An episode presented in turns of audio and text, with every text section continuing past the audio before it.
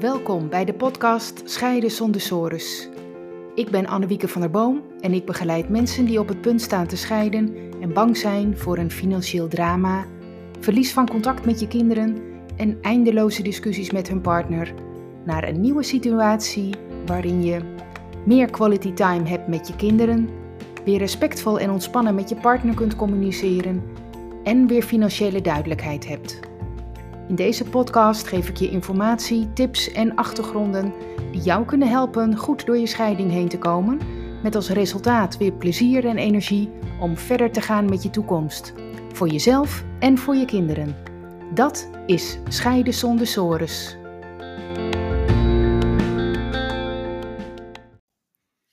Welkom bij deze nieuwe podcastaflevering. Deze gaat over de vier andere tips om tijdens je scheiding overeind te blijven. Um, ja, bij een scheiding staat alles op de kop. Je hebt geen grip meer op je leven.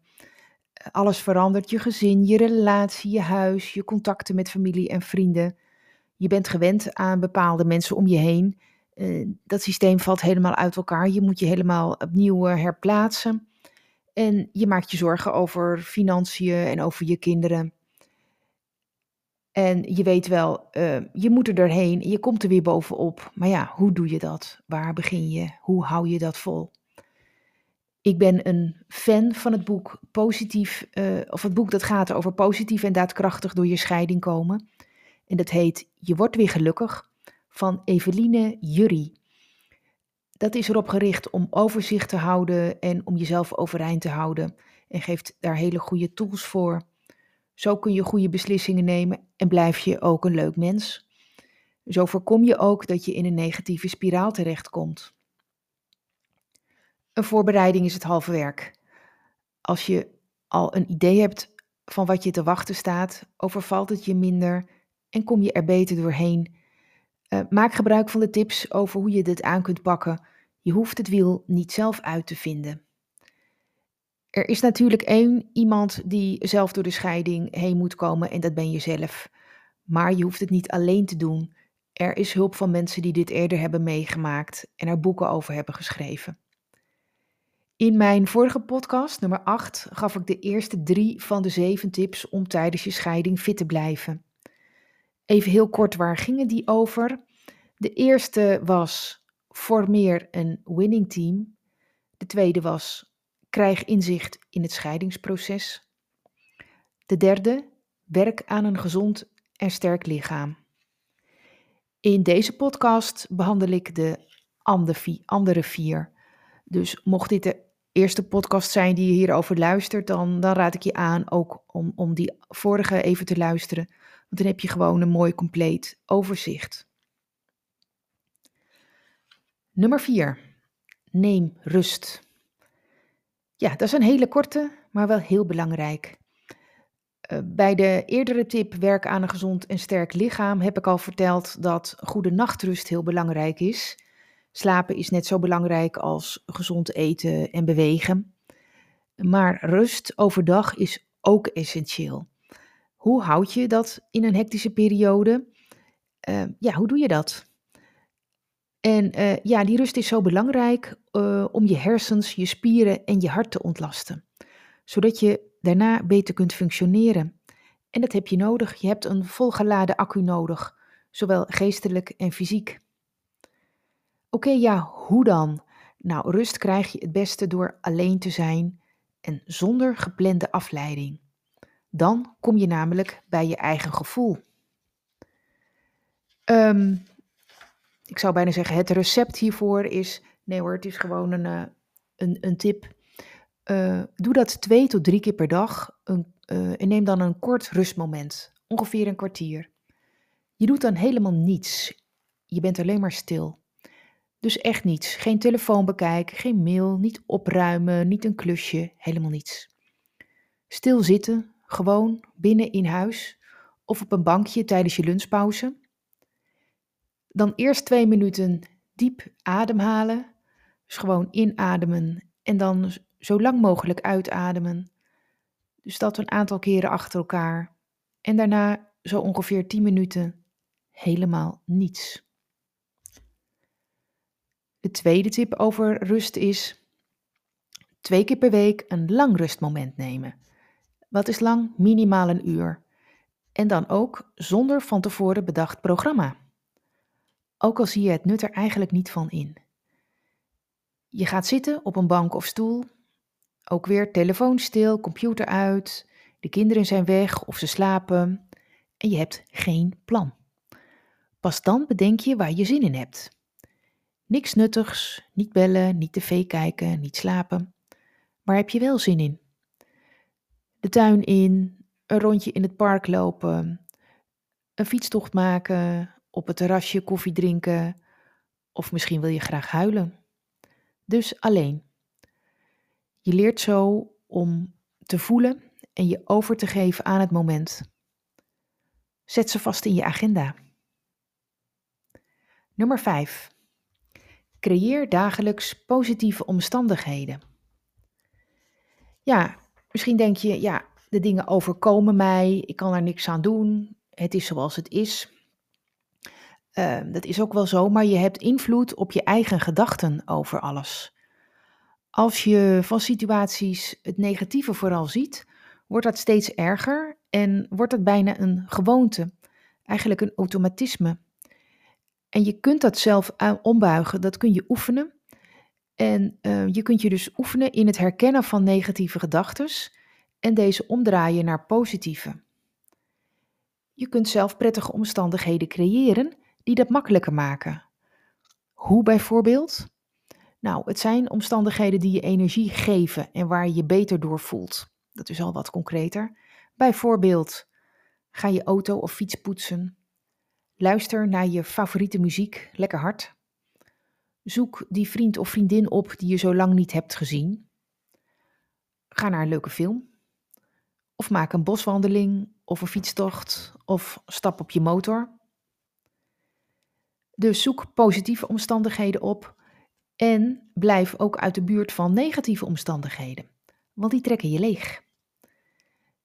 Wat is dat dan bijvoorbeeld? Nou, het aanhoren van roddels over je ex-partner.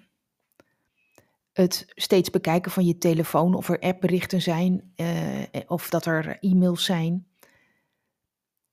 Um, naar een verplichte verjaardag gaan waar je helemaal geen energie voor hebt. Kun je beter een aardig berichtje sturen en uh, voel je vooral niet schuldig. Um, wat ook negatief is, verhalen aanhoren van anderen over hun scheiding. Of je verplicht voelen je eigen scheidingsverhaal uh, aan hun te doen. Dat hoeft helemaal niet, dat bepaal je zelf. Dus doe dat ook niet, verander dan van onderwerp. Nummer 6. Ruim je ballast op. Ja, dat gaat gewoon over opruimen, letterlijk opruimen. Um, dat is een hele goede manier om beweging te krijgen in je scheidingsproces. Um, niet de spullen die je samen met je partner nog moet verdelen. Dat hoort bij de, uh, laten we zeggen, de zakelijke afhandeling. Maar waar kun je wel op richten? De spullen waar je zelf over kunt beslissen. Zoals kleding, boeken, hobbyspullen, bestanden op je computer, spullen in de opslag. Als je dat gaat opruimen, komt er ruimte in je hoofd en ook in je hart en in je toekomst. Het geeft um, letterlijk uh, structuur, rust en ruimte. dus dat is het fysieke opruimen, echt het verplaatsen van de spullen en het weggooien. Wat je houdt, maak je schoon en zet je mooi neer. Spullen die weg moeten, die gaan ook echt het huis uit. die gaan naar de kringloop of in de kliko, of je geeft ze weg of je verkoopt ze. Dus dat is het fysieke opruimen, dat, dat geeft al rust. En ja, een neveneffect is dat je ook uh, er emotionele ballast mee weggooit. Aan spullen uh, zitten vaak emoties. Het hoorde bij een bepaalde gebeurtenis of bij een bepaalde fase in je leven. Als het je nu een goed gevoel heeft, prima, lekker houden. Geeft het je een negatief of een slecht gevoel, weg ermee. Dat ruimt ook emotioneel lekker op. Nummer 7, de laatste. Verwerk je emoties. Je komt emoties tegen. Die zijn er namelijk gewoon. Die zijn er bij het verbreken van je relatie, bij het scheidingsproces uh, dat je doorkomt en daarna ook als je zelf je eigen leven weer gaat leiden. negeren van die gevoelens heeft geen zin. Het is alleen maar uitstel. Uh, en met uitstellen verdwijnt het niet. Je verwerkt het altijd op je eigen manier en dat is ook goed. Nou, hoe kun je dat doen? Eerst um, heel simpel stilstaan bij wat voel ik eigenlijk? Hoe voel ik mij? Hoe voel ik me in, in mijn hart? Hoe voel ik me in mijn lijf? Zowel positief, tuurlijk, als ook negatief. Positief kan bijvoorbeeld zijn dat je je trots voelt, voldoening, blijheid, harmonie. En dat geeft je energie. Negatieve gevoelens zijn bijvoorbeeld paniek. Je voelt je boos, onrustig, schuldig, teleurgesteld of eenzaam. Dat vreet energie. Maar het is er wel. En het is fijn als je ze kunt uiten. Als je het eruit gooit, uh, doe dat wel in een veilige omgeving. Hè? Dus niet bij je kinderen of, of in een groep of op je werk. Maar waar wel bijvoorbeeld iemand uh, uit je winning team. Hè, daar heb ik het eerder over gehad. Dus iemand die je eigenlijk hebt uitgekozen daarvoor. Iemand bij wie je lekker even kunt klagen over alles. Of lekker even alles eruit kunt gooien. En die dan gewoon naar je luistert. Het kan natuurlijk ook bij een professional. Of alleen thuis. Gewoon lekker alles eruit gooien. Lekker huilen, schreeuwen, whatever.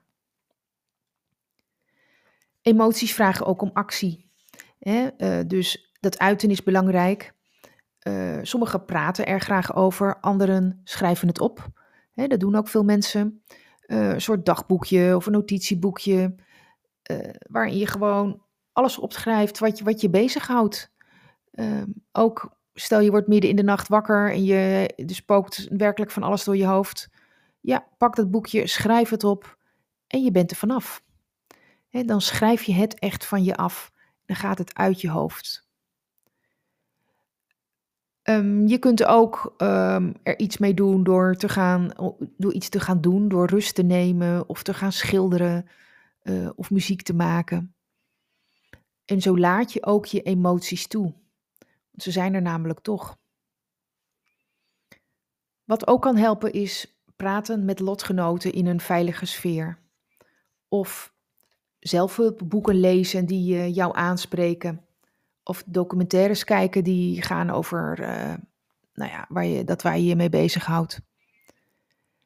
En wat ook helpt is kijken hoe je in je eigen verleden met, uh, met moeilijke dingen bent omgegaan.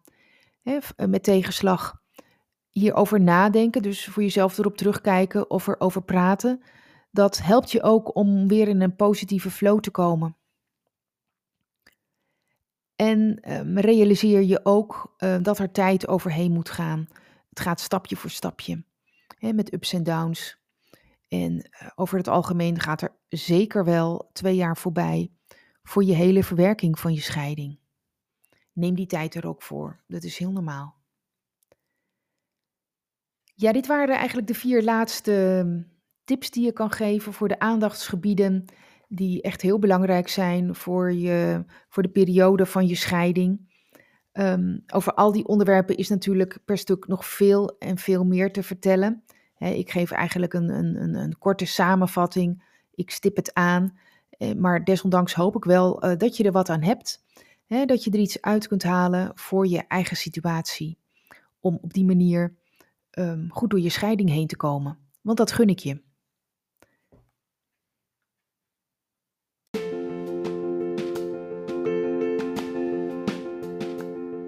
Leuk dat je hebt geluisterd naar deze aflevering.